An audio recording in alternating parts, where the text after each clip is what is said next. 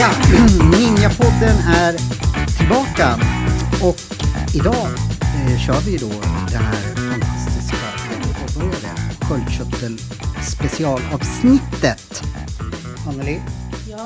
Kul att du är med. ja visst. För- Jag är Per idag. Jag Ja, idag. och för en gångs skull, se om mitt ego klarar av det, ska jag hålla lite låg profil. Du kommer att liksom... Det blir svårt. Ja, ja, jag har ju käkat Valium för det här. Nej, jag skojar. eh, nej, men... ehm, du, du, jag, du får ju berätta, liksom, vi sitter ju med eminenta personer. Så Ja. jag över, Vi har tagit oss till. Stockholm. Ja. Vi har tagit oss till Stockholm eh, och eh, Per är inte med idag. Ja, men jag har tagit mig till Stockholm. Per är inte med, så jag får leka lite Per idag.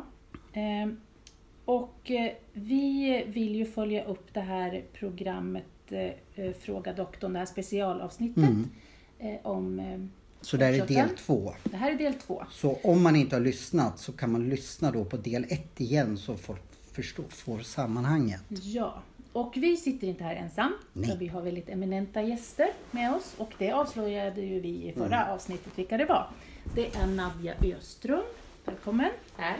Hon är, du är själv sköldkörtelsjuk, Ja. men frisk.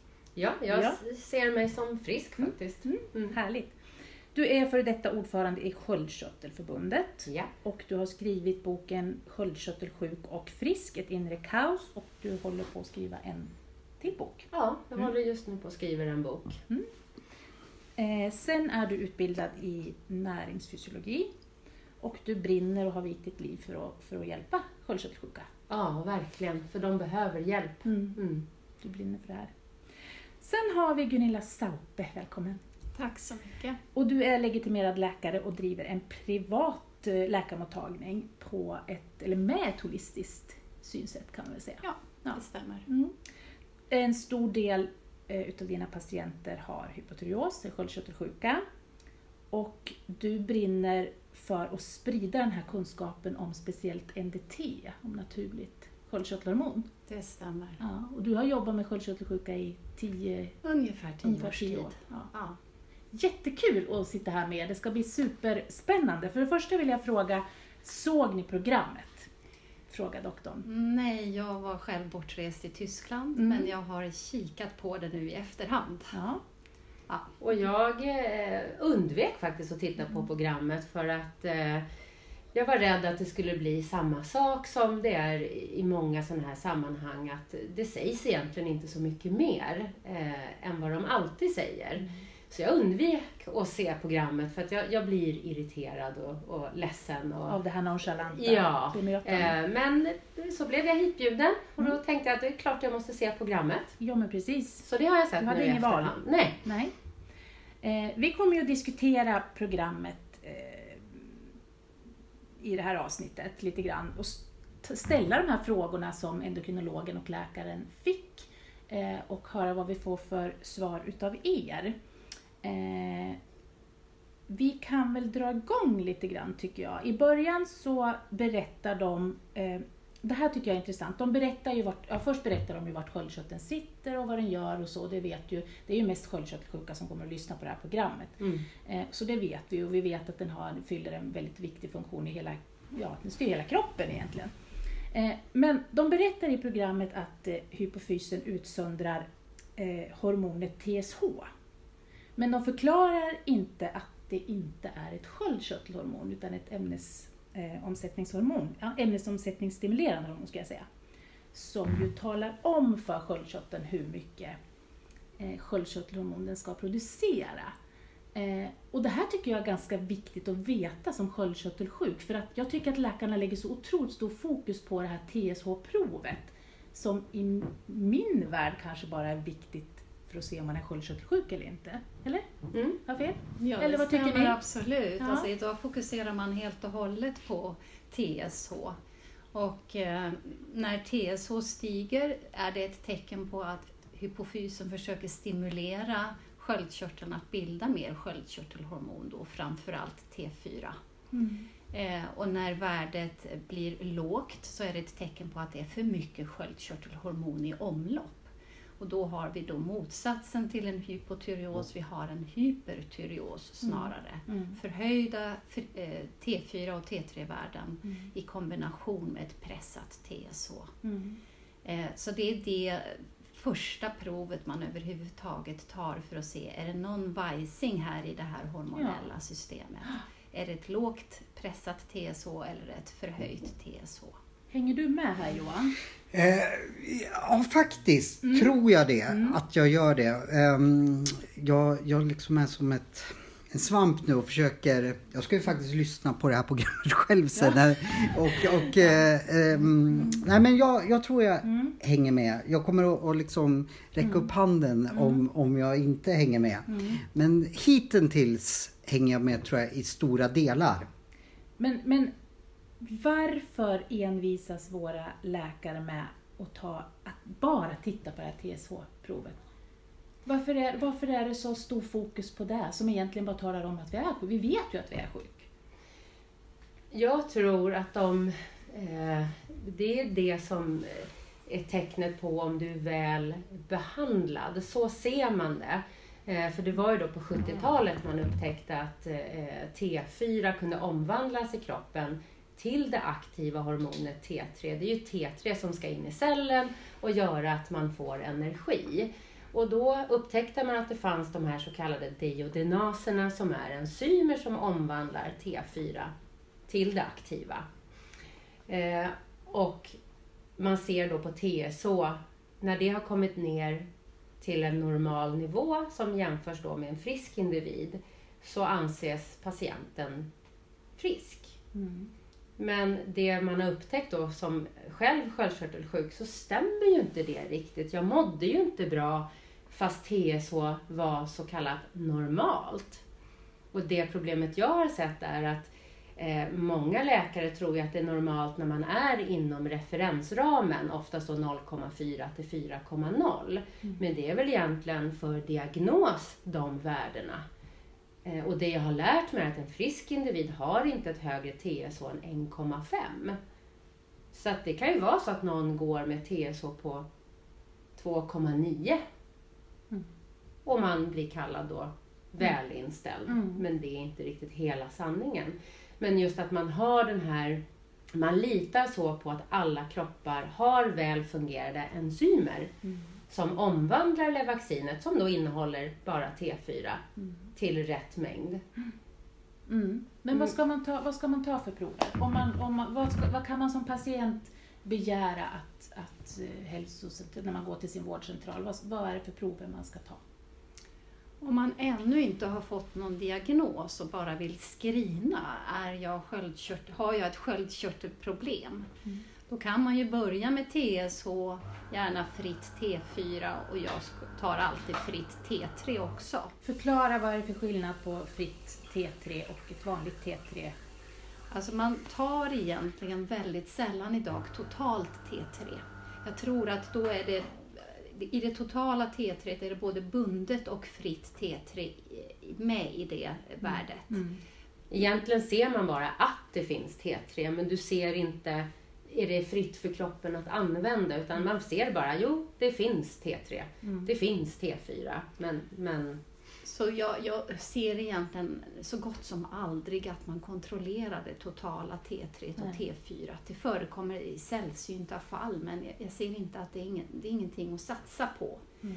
Eh, och jag tror att idag, eh, och så kan man då lägga till eh, att kontrollera antikroppar, TPO-antikroppar. Eh, man Varför tar man dem?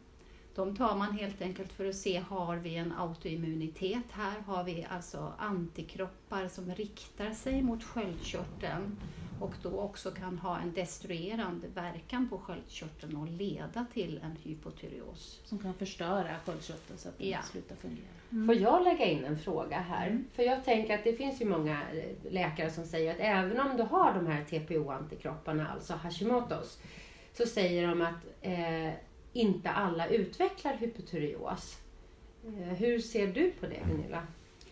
Ehm, jag ser helt enkelt att sjukvården kontrollerar ofta om det finns antikroppar, inte alltid. Men man gör ingenting åt det.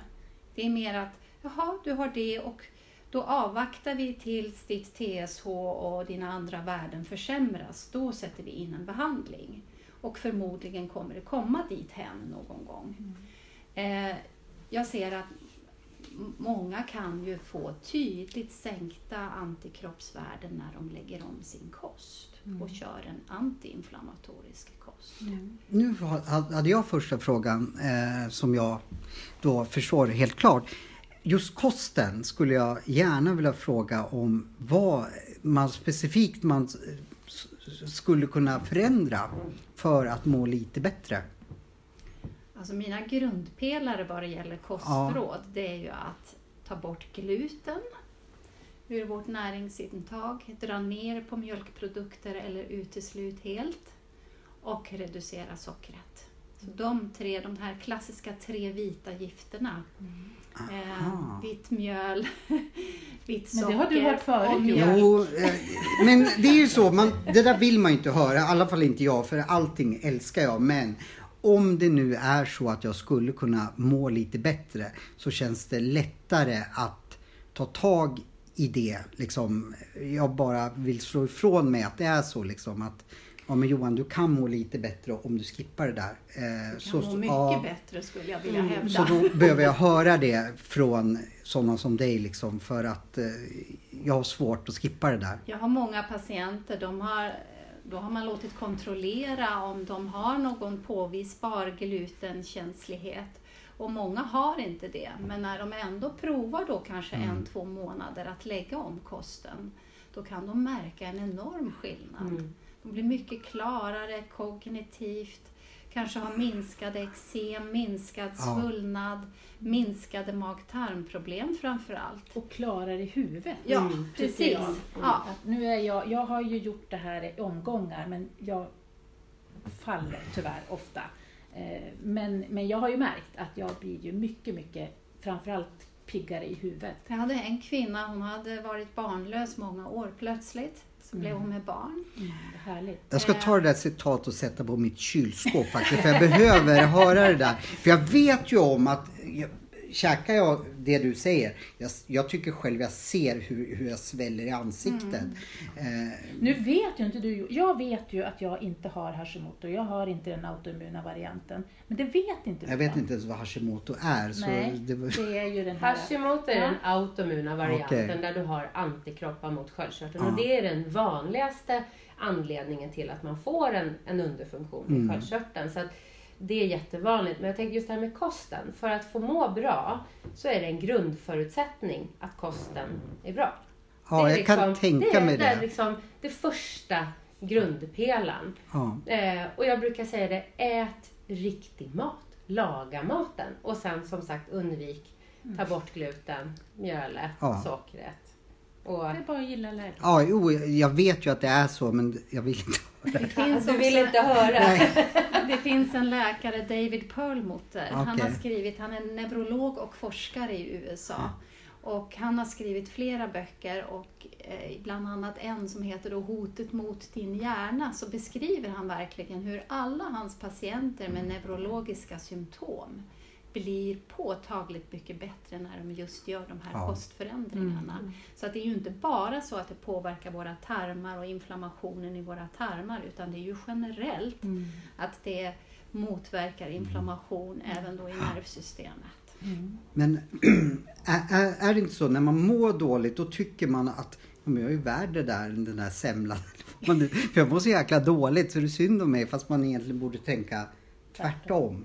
Man kan ju tänka sig, ja men det är lite tufft nu. Ja. Eh, Okej, jag åt den här semlan, men imorgon så kan man börja med små steg. Att man typ, äh, men nu testar jag att ta bort gluten i, i fyra veckor. Man sätter en tid och så provar man. Eh, och ibland faller man dit som du säger, att ibland så kommer det fallgropar, men det är inte hela världen. Man, man dör inte. Men vinsten, man får ju titta, vad är vinsten? Vad kan jag vinna på det här? Mm. Och det kan ju vara, jo men jag mår bättre. Jag blir piggare.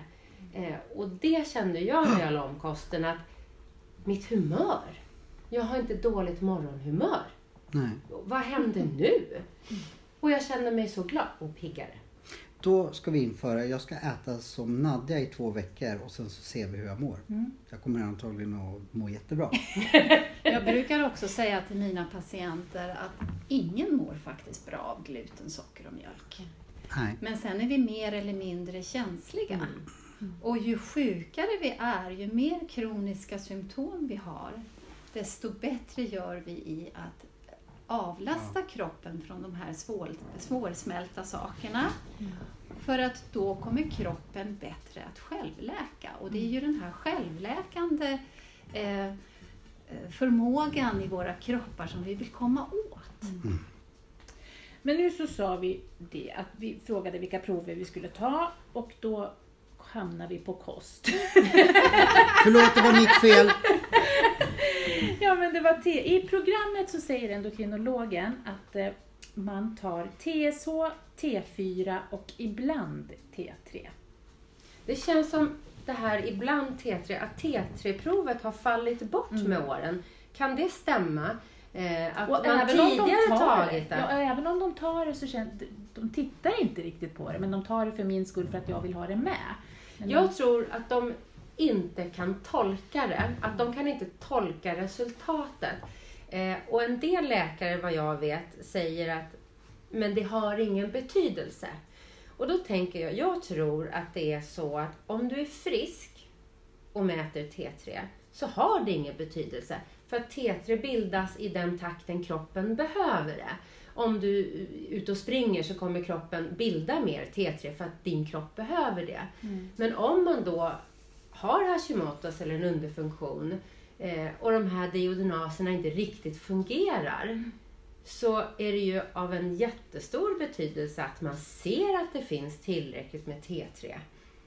Eh, men jag tror att den, det har fallit bort på något vänster. Betydelsen av T3 det är ju ändå det hormonet som är det aktiva. Ja, om vi ska Ja. förtydliga det så är det ju för att du ska det måste ju, T4-hormonet måste ju omvandlas Mm. till ett T3-hormon för att det ska fungera. Det är det som ger energi i alla våra Mm. Just precis. Ja. Eh, jag tror ju också att det kan ha att göra med att man idag så bara behandlar med T4, Levaxin. Vi, har liksom, vi är inriktade på att det är ett fullgott Mm. Mm. och vi kollar då TSH och T4. Mm. Och så är det också, tror jag, en, en kostnadsbesparing. Mm. Att vi inte tar lika mycket prover. För det är ju ändå så att många vårdcentraler och vårdenheter har ju ändå lite sparkrav Mm. på sig. Mm, så är det ju. Men om vi då tar det här T4 och så sker det ingen omvandling. Nej, jag ger ju Då- rådgivning till många och de kommer med sina provsvar och då har man ju faktiskt sett att de oftast tar privata blodprover Mm. och så kan man då se att TSH ser bra ut, T4 ser helt okej ut och så ligger T3 jättelågt ner i referensskalan. Mm. Och de berättar ju om de här typiska symptomen på hypotyreos. Och för mig blir det så här, men du har för lite T3. Det fungerar inte som det ska i din kropp.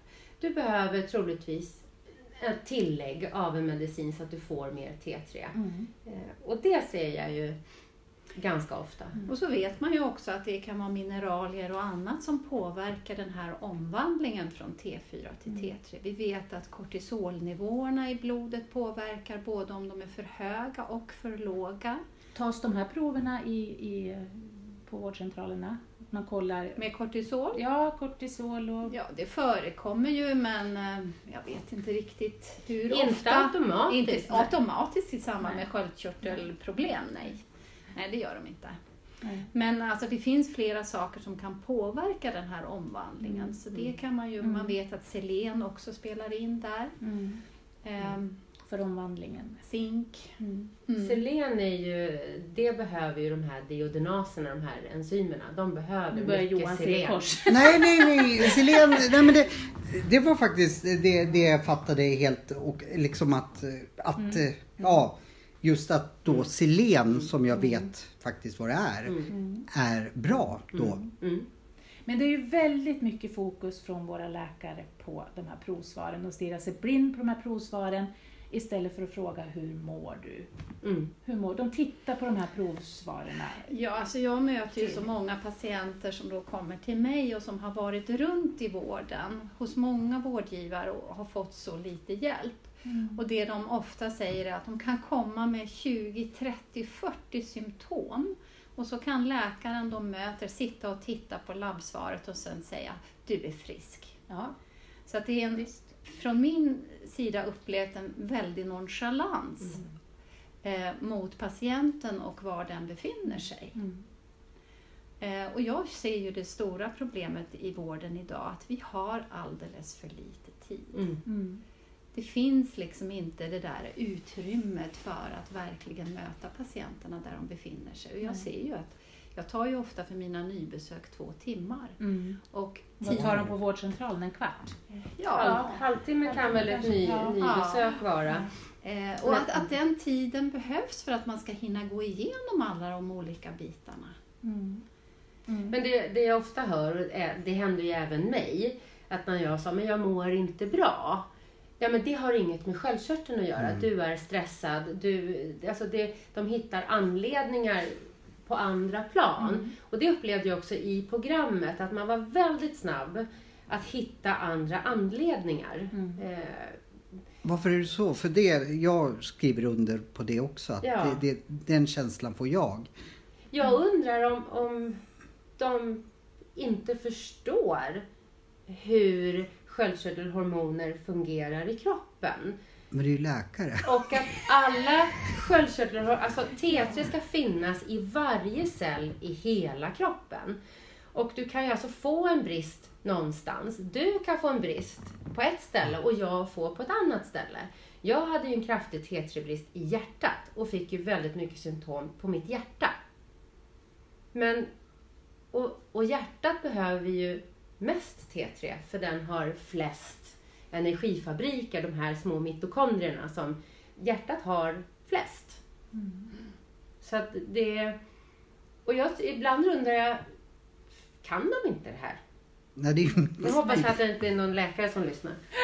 Jag har ju läkare här. Jag tänkte bara en sak att ehm, det, här, det här är ju as in, förlåt uttrycket, men jag tror vi låter våra lyssnare få en kisspaus så då tar vi en jingel. Vi drar en trudelutt. Exakt. Ska du Gå- sjunga då eller? Nej, gå ingenstans förutom på toaletten så återkommer vi om när ni vill helt enkelt.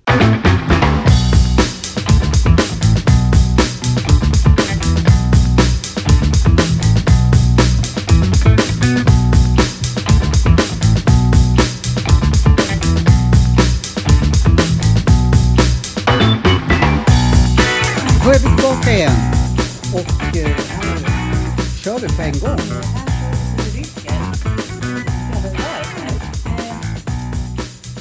I programmet eh, Fråga doktorn så ställde programledaren frågan varför så många sköldkörtelsjuka känner sig missförstådda. Varför ingen lyssnar på dem. Och endokrinologen här, hon svarar att det beror på alla de här diskussionerna om de här eh, preparaten som grissköldkörtel och som läkarna inte kan ta ansvar för att skriva ut. Det är därför vi känner oss missförstådda. Vad säger ni? Nej, au, nej, du vet, här går ju jag igång. Ja, jag ser det. Ja, Det bara ryka i öronen på Nadja här. Ja, eh, nej men jag har ju själv suttit hos läkaren och sagt att jag mår inte bra. Jag fick ju vaccin, värdena ser bra ut. Men han säger bara, nej men det har inget med sköldkörteln att göra. Han sa, men mitt hjärta slår ju så hårt, jag vaknar på nätterna. Eh, jag, jag kan inte få luft, jag får chippa efter luft. Jag, jag, jag blir yr, jag somnar stående. Jag mår inget bra. Det har inget med sköldkörteln att göra. Och det märker här är ju precis det här har jag också sagt. Ja. Och så Jag har många också andra sagt det. säger exakt samma sak. Mm. Ändå har det ingenting med sköldkörteln att göra. Nej, och då är man erbjuden eh, psykolog, eh, antidepressiv medicin. Och jag känner att jag blir ju inte lyssnad på. Och eh, jag har kommit med, med högvis med papper på forskning, studier, där jag liksom själv, ha, jag ser vad jag behöver. Men jag får bara en hand i ansiktet och de säger det är alternativ medicin. När jag tror, men det här kanske hjälper mig. Eh, och eftersom jag pratar med många så har ju de samma historia. De lyssnar inte på mig. Nej. Och när jag gick då första gången till Gunilla och hade en hel perm med mig med allt, alla prover och, och min berättelse. Och hon säger, oj vad jobbigt du har haft det. då ville jag bara gråta. Mm. Det var ju någon som lyssnade på Mm. mig. Mm. Och det har jag hört då från andra som, som också till sist möter en läkare som lyssnar och tar dem på allvar, Mm. tar symptomen på allvar. Så infinner sig ett lugn som vi faktiskt behöver. Mm. För det blir en enorm stress att aldrig bli lyssnad på. Nej. Och när man känner, första gången man känner att åh, jag kan lägga mig liksom i dina, ta hand om mig. För där tycker jag att man, man, får, man, man måste ha koll själv hela tiden. Jag måste kolla själv, jag måste läsa på själv. För, och nästan som man känner att ja, men jag vet ju mer än vad, vad, vad min läkare gör. Och när man då kommer till någon som känner att ja, men jag förstår, jag ser dig, jag hör dig. Och jag, då, åh, det blir sån lättnad. Och det kan ju också vara så att läkaren kanske inte kan någonting om en Nej, annan medicin. Men bara, ja men vi ska försöka ta tag i det här. Bara det Mm. kan göra så otroligt mycket. Mm. Mm. Ja, jag tänker ju spontant att eh, det finns ju nu ändå T3-preparat på marknaden. Och de är Liotyrenin, det kräver inte ens licens för att vi ska skriva ut det. Nej. Så att det, för mig är det en självklarhet att alla patienter som inte mår fullgott på Levaxin eller Eutyrox, att de blir erbjudna att få prova T3 Ska som vi- ska vi- tillägg. Berätta, vad finns det för läkemedel för oss att tillgå idag? Vad, vad är det för något för Alltså oss? vad det gäller T3-preparat, syntetiska T3-preparat, så har vi Liotyrenin. Den är tyvärr ligger på 20 mikrogram och man ska sällan börja med mer än 5 mikrogram i dosering så att det blir lite delande av Mm. den tabletten. Mm. Sen finns det Cytomel som är ett licenspreparat. Den ligger på bland annat 5 mikrogram. Eh, och sen har vi även Tybon som är ett annat T3-preparat, också 20 mikrogram ligger den tabletten på. Mm. Eh, det, det är T3-preparaten. Och sen har vi då licenspreparaten av NDT, alltså torkad svinsköldkörtel. Och då har vi Armor tyroid, vi har tyroid erfa och Nature Throid. Det finns ju en hel hög. Varför får vi bara äta Levaxin allihop? Ja, för mig är det helt obegripligt Ja. nu när jag har samlat så mycket erfarenhet med de här olika preparaten. När ska vi äta ett T3-preparat? Jag tycker faktiskt att alla patienter bör få en kombinationsbehandling rakt av. Mm. Jag kan ju bara hålla med. Eh, Det finns ingen anledning att bara ge T4. Nej. För mig. Nej. Utan eh, de kompletterar varandra och eh, man ser väl också, det, jag har för mig att det finns studier på det, att om man ger långvarigt bara T4 så kan man över tid se försämrade T3-värden. Min erfarenhet är ju att många kanske har stått på Levaxin under en tid och sen helt plötsligt blir de mycket sämre. Att de kan ha mått bra i 20 år och sen så gör de inte det. Men som du, att du Mm. har mått ganska bra Ja. och sen helt plötsligt mår du inte bra. Nej. Och det bekräftar ju lite den, den studien att Absolut. över tid. Mm. Men Johan, berätt, du fick prova Liotynerin. Du fick prova T3. Ja, Vad hände? Nej men, nu ska vi inte fokusera för mycket på mig, men det var ju så att jag hade hört av egen kraft tagit reda på att jag kanske mår bättre av att jag fick det och fick och fick. Jag fick tjata till mig det. Eh, sen så lyckas jag då hitta en läkare som skrev ut det till mig. Sen så slutade han och då fick jag en ny läkare och jag fick hjärtklappning och så. Och sen så frågade han mig varför tar du eh, det här?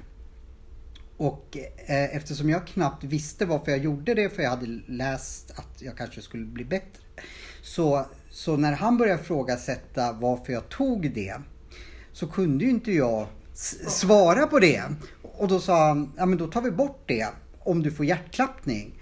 Eh, för jag tror nämligen inte ett skit på vad du äter, sa han. Nej, nej, okej, och jag ville inte ha hjärtklappning för jag trodde att jag kanske skulle få hjärtinfarkt eller någonting sånt. Så då tog jag bort det, så jag gav ju det inte ens en chans liksom. Eh, det var tråkiga slumpar som gjorde att, att jag, men jag kände liksom oj, och jag trodde ju att jag skulle bli av med min hjärtklappning. Alltså jag var tränad då för att springa maraton, men kände går jag upp för en trappa så får jag hjärtklappning och jag, jag tränar MMA, jag, jag är ganska bevandrad i idrott. Förstod att det var något fel. Jag tränade med pulsband och min tränare sa vi avbryter träningen. Hur i helsike blir din fysiska, du klarar inte fem minuter eh, uppvärmning så går, går din puls, jag tar inte ansvar. Mm. Och då är jag tränad för att dels gå MMA-match, dels springa maraton. Jag tror att ett stort problem är att när man sätter in liotyrenin och inte har så mycket erfarenhet, då börjar man med en för hög dos. Och då är det många som kan liksom få riktigt, riktigt tydliga överdoseringssymptom ja. Eh, som, som inte är behagliga. Allt ifrån hjärtklappning, att man känner sig väldigt eh, stressad, svettig, varm, huvudvärk, darrig. Exakt så kände jag mig. Fyra gånger 20 skulle jag ta om dagen. Va? Eh, va? Som startdos? Ja. Härligt. Då var man rätt glad att man var påläst. Ja. Mm. Eh, så att det, och jag var inte påläst. Och då är det klart att om man får sådana symptom och läkaren inte har erfarenhet och vet att inordna det här, att man då backar från den behandlingen och säger det här vill jag inte hålla på med mer. Så att man ska veta det att mm. liotyronin eller T3 det är en väldigt effektiv, snabb behandling. Eh, man måste gå försiktigt tillväga och eh, men det går också snabbt ur kroppen. Så har mm. man överdoserat så slutar man helt enkelt ta mm. och symptomen kommer ganska snabbt ja. att gå tillbaka. Precis, men i mitt fall, fall var det det att den som skrev ut det var inte kvar och mm. när jag, jag blev frågasatt av den läkaren som jag fick att varför tar du det här då? då? Och jag kunde inte svara på det liksom. Då var det naturligt för mig då att inte mm. fortsätta. Mm. Mm. Så jag vet mm. ju inte vad som skulle ha hänt nej. med mig om, nej, om nej. jag kanske skulle må mycket bättre men jag vågade inte. Men då har vi T4 och vi har T3-preparat och sen har vi NDT. När ska man ta NDT? Vem ska ta NDT? Alltså jag önskar ju att alla patienter som idag står på Levaxin fick prova att byta ut Levaxinet till NDT för att se hur mycket bättre kan de må? Mm. Nu träffar ju jag framförallt den gruppen patienter som är tydligt missnöjda med Levaxin, som verkligen kanske under flera år har sökt en alternativ behandling. Mm. Eh, och där kan jag bara konstatera att det är så otroligt många av deras symptom som kan förbättras eller försvinna helt mm. på en NDT-behandling. Mm. Ja. Jag hade ju Lavaxin från början och så fick jag ju Liotyronin eh, efter mycket om och men.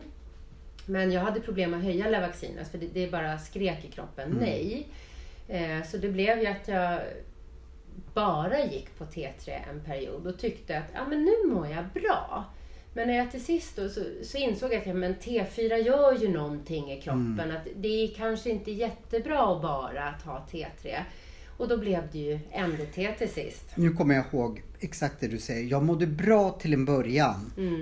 Eh, så då fortsatte jag men sen mm. blev det de här grejerna då mm. och då hade jag inte kvar min läkare som skrev mm ut det. Men till en början mm. mådde jag jättebra. Problemet om man bara tar T3, ja. man inte har det vaccinet, är att du måste ju ta dosen flera gånger på dagen, eh, fördela mm. dosen så att du har hela tiden. Och skulle det hända någonting och jag inte har möjlighet att ta medicin, så som du säger Gunilla, så går ju medicinen ur kroppen väldigt fort. Mm. Så jag tyckte att det är, liksom, det är, ingen, det är för mig ingen bra medicin. Så att, ja, det är T4 som fanns att välja för mig, det var ju NDT. Så det, det, måste jag ju få prova och jag fick ju testa det. Sen tog det nästan ett år innan jag mådde riktigt bra. Men då insåg jag att jag mådde... På T3 mådde jag bra. Men nu landade, landade jag i min kropp. Det var som kroppen tog ett stort andetag och bara... Så! Mm. Nu är jag här igen. Mm. Och jag glömmer att ta medicinen för jag är inte sjuk. Så, alltså det mm. blir, för jag mm. känner mig så välmående. Mm. Jag kan vara trött ibland eller mm. Eh, men det är ju ha ont någonstans, ja. men det är ju livet. Ja. Det är min erfarenhet också. Nu är inte jag själv sköldkörtelsjuk, men att mina patienter, de flesta verkar må bäst på NDT om man jämför med tidigare behandling med Levaxin eller Levaxin i kombination med liotyronin. Mm. Att för mig har det blivit det överlägsna valet. Mm. I programmet så säger, säger, de, säger endokrinologen att eh, det finns en stor kunskapslucka om det här. Eh, det finns inga långtidsstudier om NDT och eh, LIO. Vad, vad handlar det här om? Vad, alltså, Jag undrar ibland om man ens har intresse av sjukdomen, att Ja. ens ta reda på. Mm. För det finns en långtidsstudie som blev klar eh, och publicerad Eh, första 1 juni 2018. Det var en sexårig studie där man jämförde eh, T4-behandling med syntetiskt T4 och T3 plus då MDT. Eh, och resultatet är ju att nej, det fanns inga eh, dödsfall. Eh, eh, det fanns ingen benskörhet eller problem i hjärtat. Så det finns långtidsstudier och det finns mediciner idag varför säger de då att, det, att de inte... Det handlar om pengar? Så man kan ju undra hur mycket läkemedelsindustrin påverkar. Det vet vi ju från andra områden att de är med och styr och ställer. Ehm, om man nu inte tycker att man har tillräckligt mycket vetenskapliga studier så kan man ju ändå ta till sig det att före vaccinet kom och slog igenom på 70-talet så hade vi torkad svinsköldkörtel sedan slutet av 1800-talet. Mm. Så det är ju i alla fall en 70-80 års period där man faktiskt samlade mycket erfarenheter. Finns det utländska studier? Det finns ganska mycket studier. Men, men det jag tänker på, det, det de ofta säger är just det här att det finns inte vetenskapligt bevisat Mm. att NDT skulle vara bättre än just Clevaxin. De studier som är gjorda så har man ju sett att 48 procent föredrar en kombinationsbehandling. Nej, då är det ju inte bättre än Levaxin. Men det är ju ändå nästan 50 procent som föredrar den behandlingen. Eh, och eh, Levaxin, har det något vetenskapligt bakom sig? Nej, det är väl beprövat. Mm. Men man har heller inte gjort någon studie på hur mår patienterna. Nej. Förrän Sköldkörtelförbundet faktiskt gjorde en SIFO-undersökning. Hur mår patienterna? Och då visade det sig att 20 procent, nej, de mår inte bra. Eh, och jag tänker här, om man mår bra på Levaxin, det är ju fantastiskt. Men det är ju inte de vi egentligen pratar om, utan det är de som inte mår bra. Finns det någon lösning för dem? Mm. Och det finns ju lösningar och det finns fantastiska läkare som kan hjälpa till. Eh, Men det jag upplever är att antingen så får de ju fullbokat, för de är inte så många. Eh, Och många som kanske vill uttala sig vågar inte heller.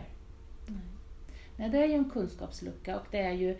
Eh, jag uppfattar att läkarkåren är väldigt okunniga om sköldkörtelsjukdomar överhuvudtaget. Eh, hur mycket läser man på läkarprogram? Jag, jag tycker att det, det, alltså endokrinologerna framförallt, de verkar ju vara mer på, alltså det är diabetes och det, det är inte så mycket kunskap om sköldkörtelsjukdomar.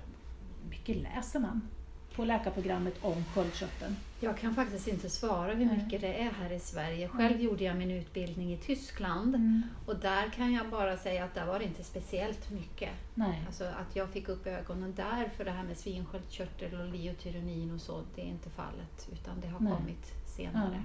Ja. Ehm, Mm. Det som jag tycker är, är skrämmande det är ju att de som ändå är specialister inom endokrinologi, alltså inom hormonsjukdomar, att de är så bakbundna. För Mm. jag, jag får ibland höra via patienter att de har varit hos en endokrinolog som då säger jag kan tyvärr inte skriva ut NDT, jag får inte för min chef.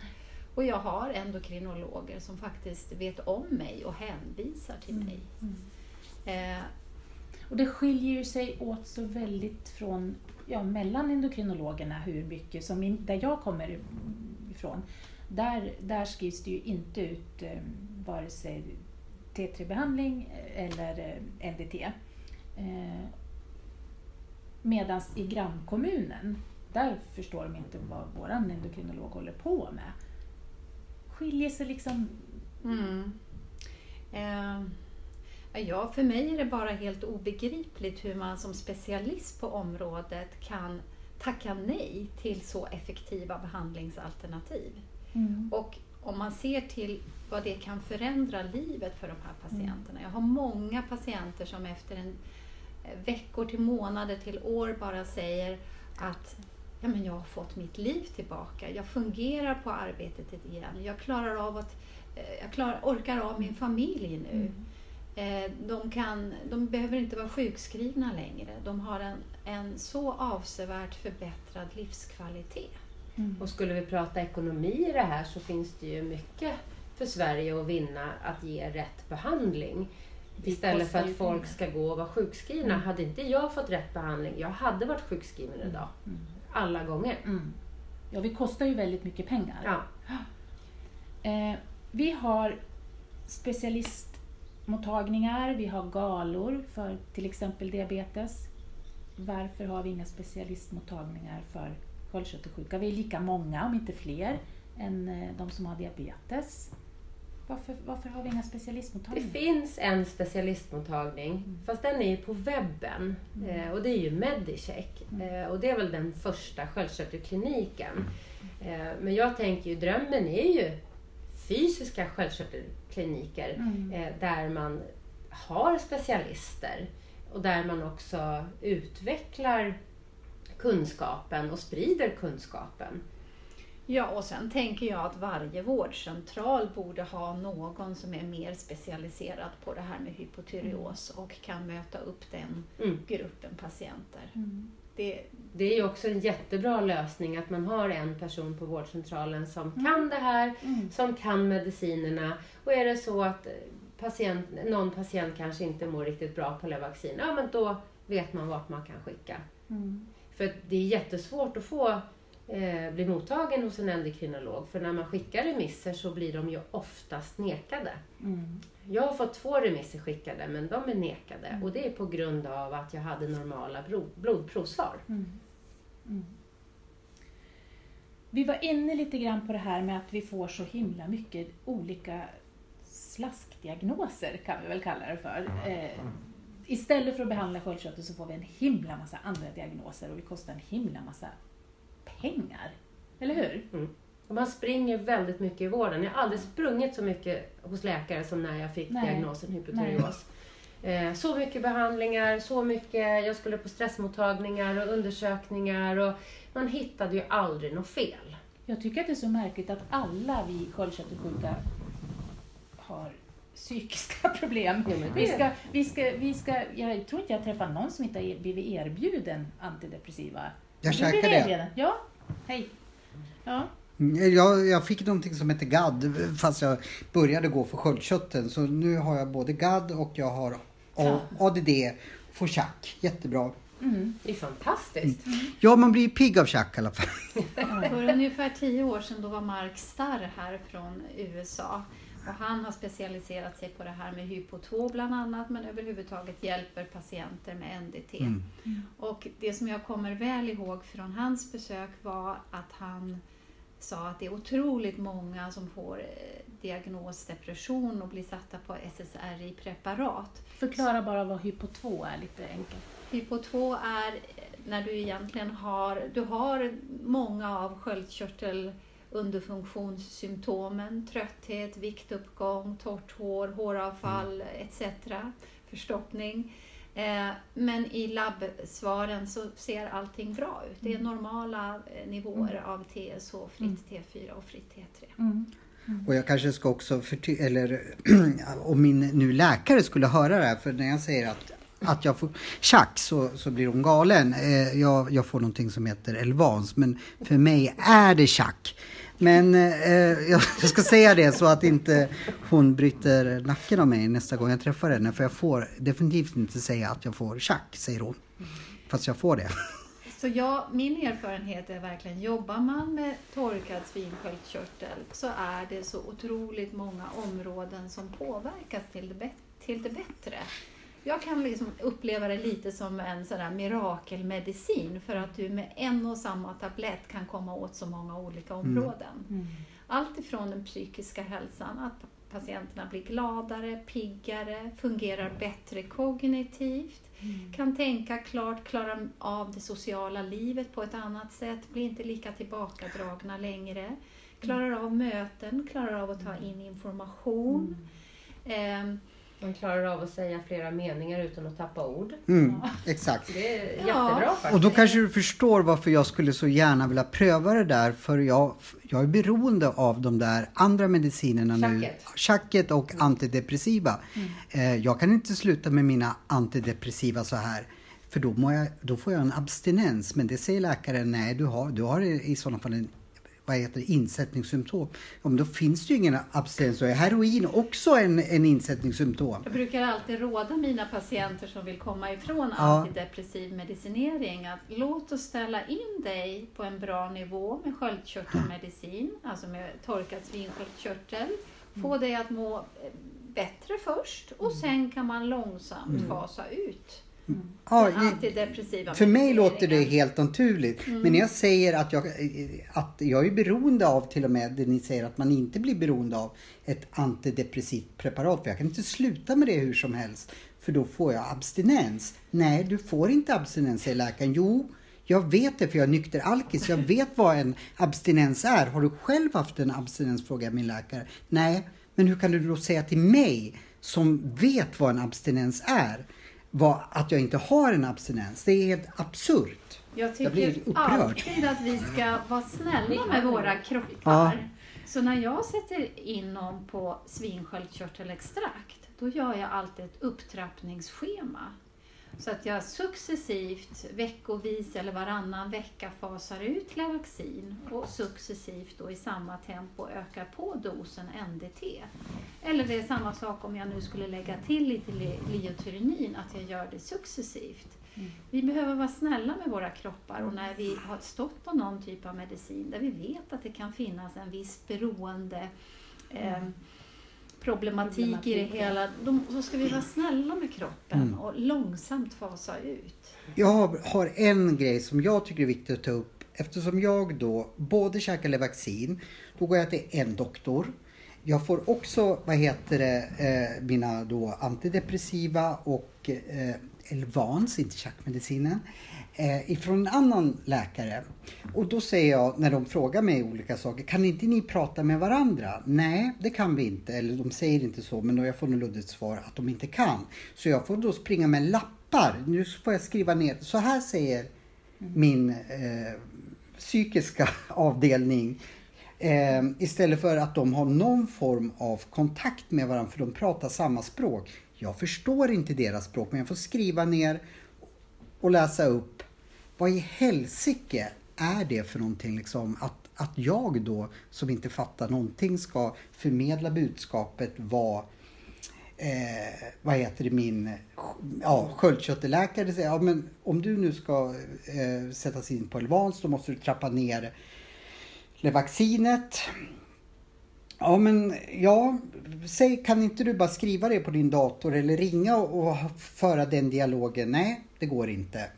Då får jag sköta det och får jag en fråga som inte jag kan svara på då tar det typ två månader innan liksom det och sen så under tiden så har jag fått en remiss till hjärtat, hjärtläkaren för som jag inte ens visste för att mitt hjärta liksom klarar inte av de här olika liksom det är helt, man, man måste ju vara jävligt frisk för att vara sjuk.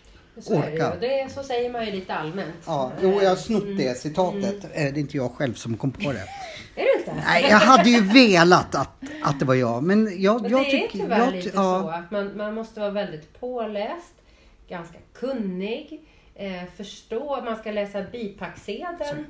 Vilket eh, jag tror förr när man gick till läkaren, då litade man på läkaren att det är det här jag ska göra och då gör jag det. Om man tittar på den äldre generationen så lyssnar de på doktorn och så, och så gör man som de säger och man tar sina tabletter.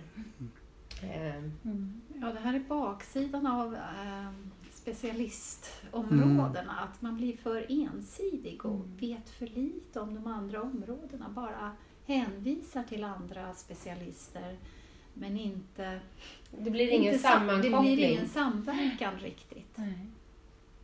Nej. Det är väl allmänläkarna då som ska försöka få ihop trådarna. Mm. Det är patienten i slutet som blir lidande. Eh, I programmet, om vi släpper det där, så i programmet så säger de någonting som jag reagerade på, att det oftast är kvinnor i klimakteriet, att man får hypotyreos Ser jag ut när som man en kommer i kvinna? klimakteriet. Kvinna i klimakteriet. Jag eh, tänker ju att det är mitt i livet man ofta får det här. Vi pratade jag och Gunilla om det här innan, att eh, Mm. det är ju verkligen inte så att det är vid klimakteriet, utan det som du säger, det är oftast mitt i livet. Jag Mm. själv började få symptom när jag var i 30-årsåldern. Mm. Men det tog nio år att få diagnos. Men många jag träffade är ju 30-årsåldern, men du kan ju även få det som just när det är hormonsvängningar i kroppen, vi säger som tonåring. Där kan det gunga till och så blir det eh, en autoimmunitet. Eller eh, som du säger när man, när man ska ha barn eller vid en förlossning kan det hända någonting. Mm. Men också även vid klimakteriet. Men det är ju, skulle jag säga, hel, hela Ja. livet. Alltså jag har patienter från 15 år uppåt kan man Mm. säga. En, Mm. en del tjejer just i gymnasietiden som har haft jättestora problem med det kognitiva och komma ihåg och sådär. Mm. Där när de har fått hjälp så har klarat av gymnasiet. Mm. Jag, jag vet eh, några stycken faktiskt, men bland annat en kvinna som har eh, barn, två barn som har eh, hypotyreos som har haft ända sedan de var lit, liten, liten. Men de får ingen hjälp alls. De, läkarna vågar inte peta i det här. De är väldigt försiktiga när det gäller just barn. Har hon Och upplevt? jag får tyvärr inte hjälpa barn Nej, under är det så? 18 år för att då hänvisar, eh, ja i alla fall inte med licenspreparaten, eh, svinsköldkörtelextrakten. För då hänvisar alltid Läkemedelsverket till att det måste vara en barnendokrinolog som gör bedömningen. Mm. okej. Men sen också det här, det vi har sett är ju att det är en ökning bland de Mm. yngre. Mm. Att det, mellan vad är det, 20 till 40 år så har det ökat ungefär 30 procent på 10 år. Men har det ökat bland män också? Jag tycker det känns som det, det är många män Jag vet som... i Tyskland har man gjort studier och där säger man att det är 50 procent män. Mm. Men jag kan bara gissa att män kanske inte söker riktigt Nej. för de här Så, symptomen. så tror jag att det är. Att man ja, missar otroligt många män. ja, Mm. Mm. det tror jag. Kan man eh, läka sin sköldkörtel? Nej, säger endokrinologen i programmet. Jag skulle säga att vi kan läka allt. Men det är inte så helt enkelt. Nej. Nej. Och det finns ju de som har faktiskt läkt sin sköldkörtel och andra autoimmuna sjukdomar och har reverserat det. För det är ju så, har du fått en Hashimoto's till exempel, då har du alltid en Hashimoto's. Mm. Men du kan få ner antikropparna. Mm. Du kan stanna upp det här autoimmuna.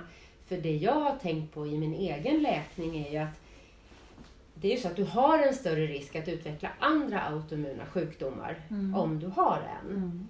Och jag vill inte ha fler autoimmuna sjukdomar. Så då vill jag lugna ner mitt immunförsvar som faktiskt jobbar helt fel i min kropp. Eh, och med kostomläggning, med återhämtning, med liksom ett, ett lugnare liv. Mm. Så har jag ju kunnat lugna ner det här. Mm. Och det var min nästa fråga, vad kan jag göra själv för att må bättre? Men det, det nämnde ju du nu då. Ja, och det, det, kosten är ju Mm. jättegrundläggande. Mm. Men mycket det här, tänka på återhämtning. Mm.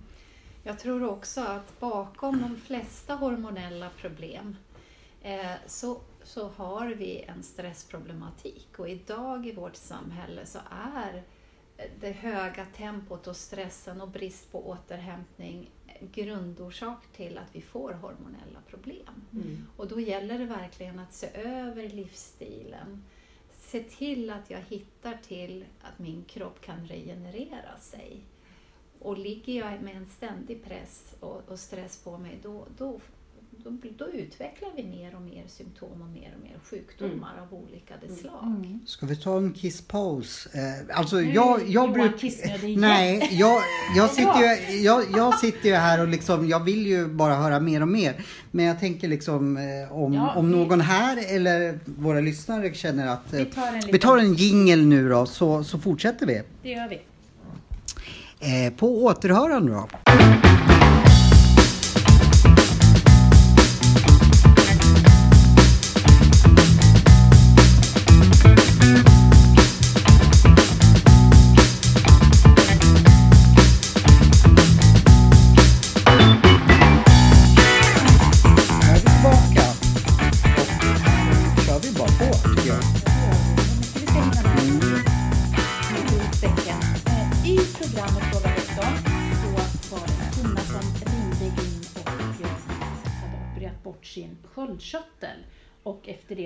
Väldigt lågt blodtryck och eh, huvudvärk.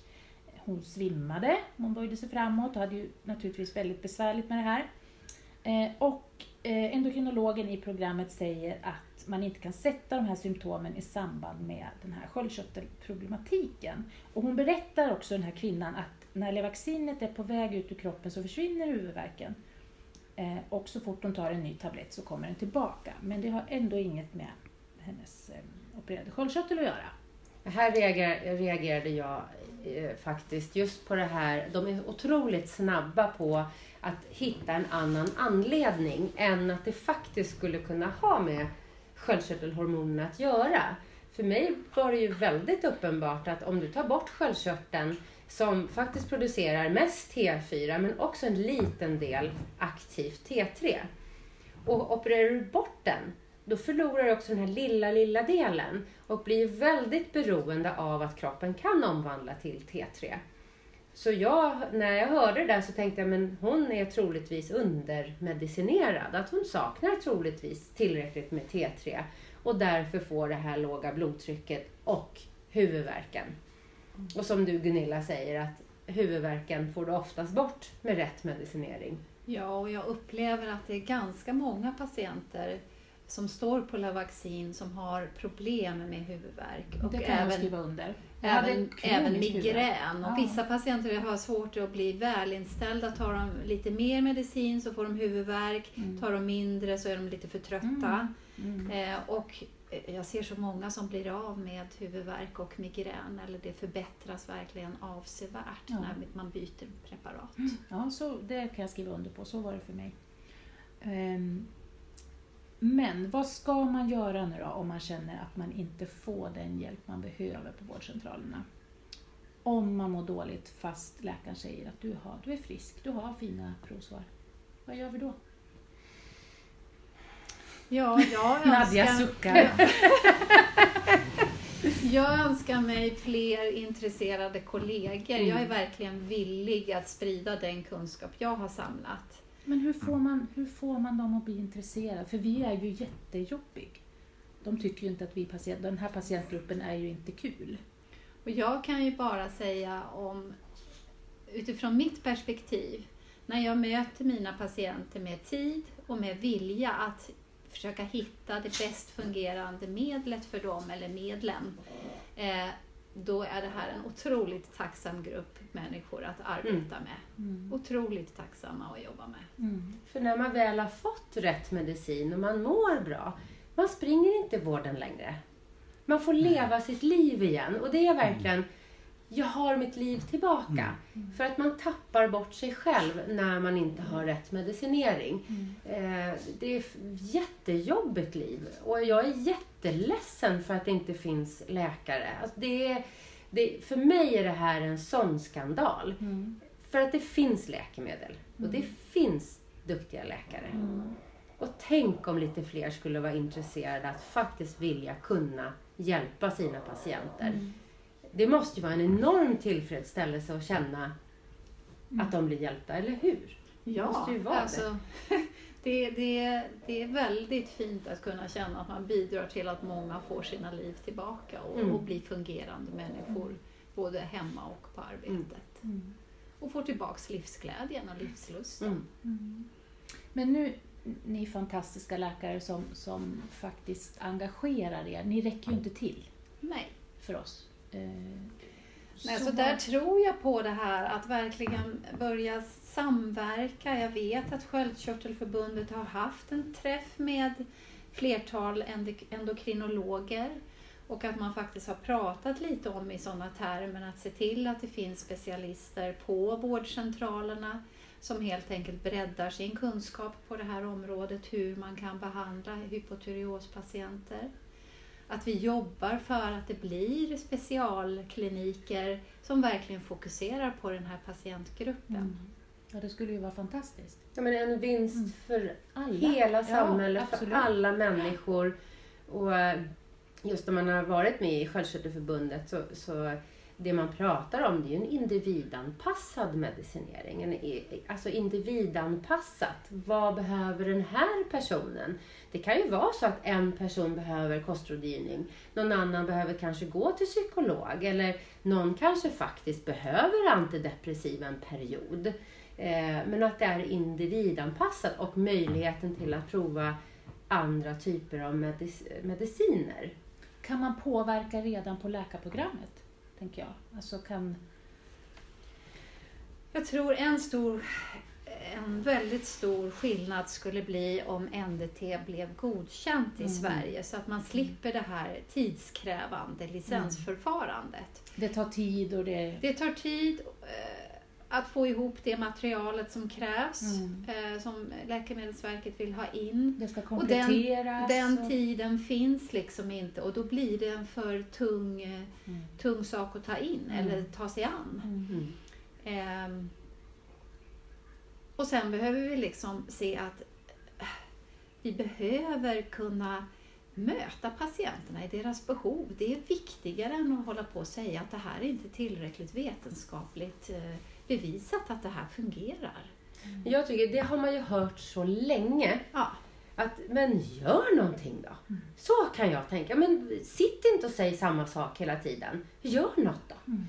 Men då har jag förstått att det kanske saknas forskningsmedel och så vidare. Men så pratar jag med doktor Helena Roth Svensson. Mm. Hon säger det finns forskning. behövs ingen mer forskning. Mm. Vem är Helena Roth Svensson för de som inte vet? Hon är ju pensionerad läkare idag. Hon har ju skrivit boken eh, Sköldkörteln och mitokondrierna som idag heter Sköldkörteln och mycket mera. Mm. Eh, och den är ju lite mer medicinsk. Jag fick ju tag i den boken i början av min sjukdom och du vet, jag förstod inte mycket av vad som stod i boken. Nej. Men ju mer jag lärde mig desto mer förstår jag att det här är en väldigt djup kunskap. Och den den skulle alla läkare kunna få läsa. Och vad jag förstår så har ju hon, hennes mission är ju också att påverka läkarkåren och föreläsa för Men hon, hon har lite svårt läkare. att få gehör, mm. tyvärr. Men hon är ju en av de mest mm. kunniga mm. läkarna mm. på det här området. Mm. mm. Hörni, tiden börjar rinna ut. Vi skulle kunna, vi skulle kunna sitta här hela... Ja, Vad säger du Johan? Har du hängt med? Ja, jag, jag faktiskt har ju hängt med och eh, jag sitter ju här som någon form av producent och jag, bara, jag vill höra mer, jag vill höra mer. Men medan folk var ute och kissade eller vad de nu gjorde så gjorde jag kanske någonting som var bra. Jag övertalade våra gäster att komma tillbaka och de tyckte ju att det var en bra idé. Så vi kommer ju att följa upp det här. Vet du vad jag tänker till nästa ja. gång? Då vill vi veta hur du mår nu när du plockar bort vete, socker ja. Och drar ner rejält på mejeriet. ja, nej men det, det, det är ju jättebra att du ställer den frågan. Du har ett mål, du ja. har fokus.